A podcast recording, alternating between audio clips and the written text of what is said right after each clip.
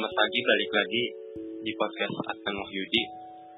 Aku lagi lelah, bener-bener lelah dari semalam karena terlalu banyak yang aku kerjakan dan aku dapatkan seharian kemarin dan hari-hari sebelumnya.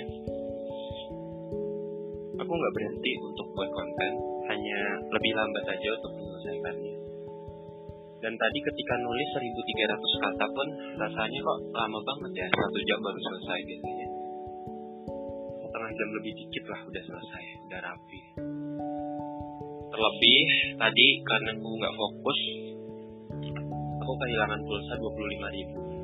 Ceritanya gini aku bangun jam 5 ibadah terus hidupin laptop rencananya mau upload saat kuliah. Kan lama uploadnya tuh. Ya udah aku sambil sambil nulis dengerin podcast tapi kebablasan. Jam 7.30 aku baru ingat oh iya aku lagi pakai kuota Telkomsel harusnya aku ganti tri. Karena kuota malam kan itu cuma sampai jam 7 ya udah aku buru-buru ganti terus buru-buru beli kuota malam lagi 30 GB harganya 50 ribu. Ya mau nggak mau aku harus ngeluarin uang 25 ribu lagi tapi nggak apa-apa yang penting pelajaran itu lebih berharga dibanding uang itu sendiri. Barangkali ini juga pengingat aku buat sedekah. Ya juga ya aku udah lama gak sedekah. Balik ke topik lelah. Siapa sih yang gak pernah lelah capek atau capek resah ragu dengan apa yang sudah dilakukan? Dan itu wajar yang penting kita nggak berhenti aja. Itu waktunya kita untuk refreshing untuk keluar dari zona nyaman lagi. Itu itu mulu buat kita bosan stuck kan jadinya.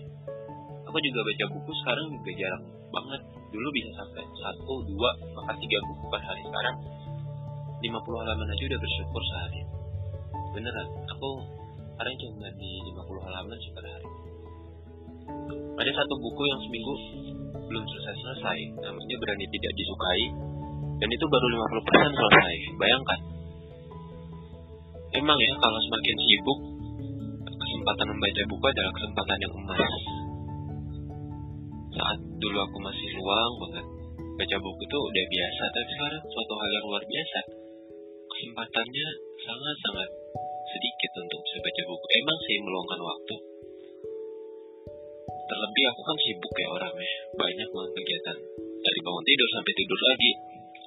Ibadah lah buat konten cari ilmu dapat ilmu ikut kajian ikut ini meeting webinar hal-hal seperti itu yang kadang buat stres juga gitu. Ya nggak apa-apa namanya juga hidup kan. Itulah yang buat kita makin kembang dan tumbuh. Buat kita yang patah hati sakit hati galau soal cinta soal uang soal apa pun itu nggak apa-apa. Lelah itu wajar. Sehebat apa pun orang sebaik apa pun motivator dia pasti lelah dan butuh waktu untuk istirahat.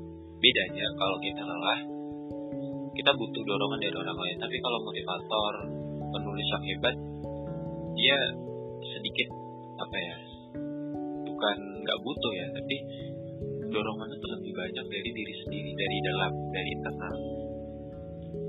Karena udah nggak peduli sama omongan orang bagi dia yang jatuh-jatuhin gitu nggak usah.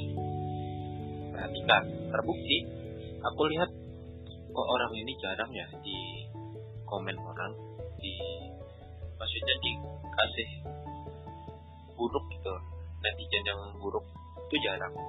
Bukan berarti mereka nggak salah. Dulu di masa muda mereka tuh banyak sekali dihujat. Tapi mereka berhasil melewati itu satu di satu akhirnya. Ya udahlah netizen katakan dan nggak komen buruk lagi sama kayak kita telah berjuang tapi nggak dianggap. Akhirnya kita nyerah sendiri kan? Itu salah satu dampak buruk ketika dampak baik kita mengabaikan orang-orang yang nggak penting dalam hidup kita. Waktu kita juga terbatas perhatian kita terbatas kita nggak bisa buat semua orang seneng buat orang bahagia karena kita nggak bisa. Kecuali kamu mau jadi tukang es krim. Kasih kasih makanan kasih uang. Tapi itu mustahil. Kita pun juga butuh hal itu pesanku kalau kalian lagi capek lagi lelah ya udah istirahat aja dulu jangan dipaksa harus ngerjain ini terus. Semalam tuh aku mau nulis seribu kata lagi tapi karena udah jam 11 malam moodku juga udah buruk udah capek ya udah aku istirahat aja tidur gak apa-apa. Yang penting target hari ini udah selesai untuk tugas tambahan udahlah besok pagi aja dan alhamdulillah udah selesai tadi jam setengah delapan ya 40 menit yang lalu. Di situ pun aku masih apa ya sambil kerjain sambil dengerin podcast ada tujuh buah podcast aku dengerin. Ya itu sangat panjang. Daripada dengerin musik nih dengerin podcast kan? Banyak sekali insight baru. Dan kata Raditya Dika kalau kita lagi sibuk emang benar-benar nggak ada waktu untuk baca buku ya udah kita dengerin audiobook atau buku yang dibacain orang lain. Sambil kita ngerjain. Tapi nggak boleh ngerjain lain ya. Kita cuma fokus dua hal itu dengerin audiobook sambil kerjain karena kalau lebih dari dua hal yang kita lakukan secara bersama itu akan merusak fokus kita kita nggak akan pernah fokus. Misalnya kita lagi nulis sambil denger audiobook tapi di samping ngobrol juga. Nah itu bakal terganggu banget. Oh ya soal kesehatan alhamdulillah sekarang udah lumayan pilek dikit pusing juga dikit. Alhamdulillah belum. Semoga enggak ya. Enggak. Terjangkit covid. Tetanggaku tuh jauh. Ini ada yang terkena covid. Semoga mereka diberikan kekuatan dan kesembuhan. Karena jujur ya karena mungkin parah banget covid tuh. Padahal udah ada vaksin di mana-mana. 3M juga udah makin bagus. Nutrisi aku pikir juga bantuan udah makin masif ya diberikan. Hanya tinggal diperbanyak lagi.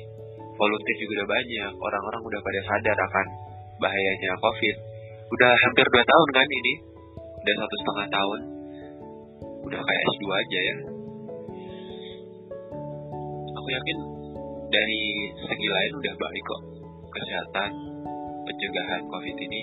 Tapi namanya takdir kan gak ada yang tahu. Virus mutasi kan gak ada yang mau juga kan. Tiba-tiba mutasi aja tapi yang penting kita kan udah tahu oh virus ini mutasi maka pencegahan kita harus tingkatkan lagi. Oke itu aja semoga bermanfaat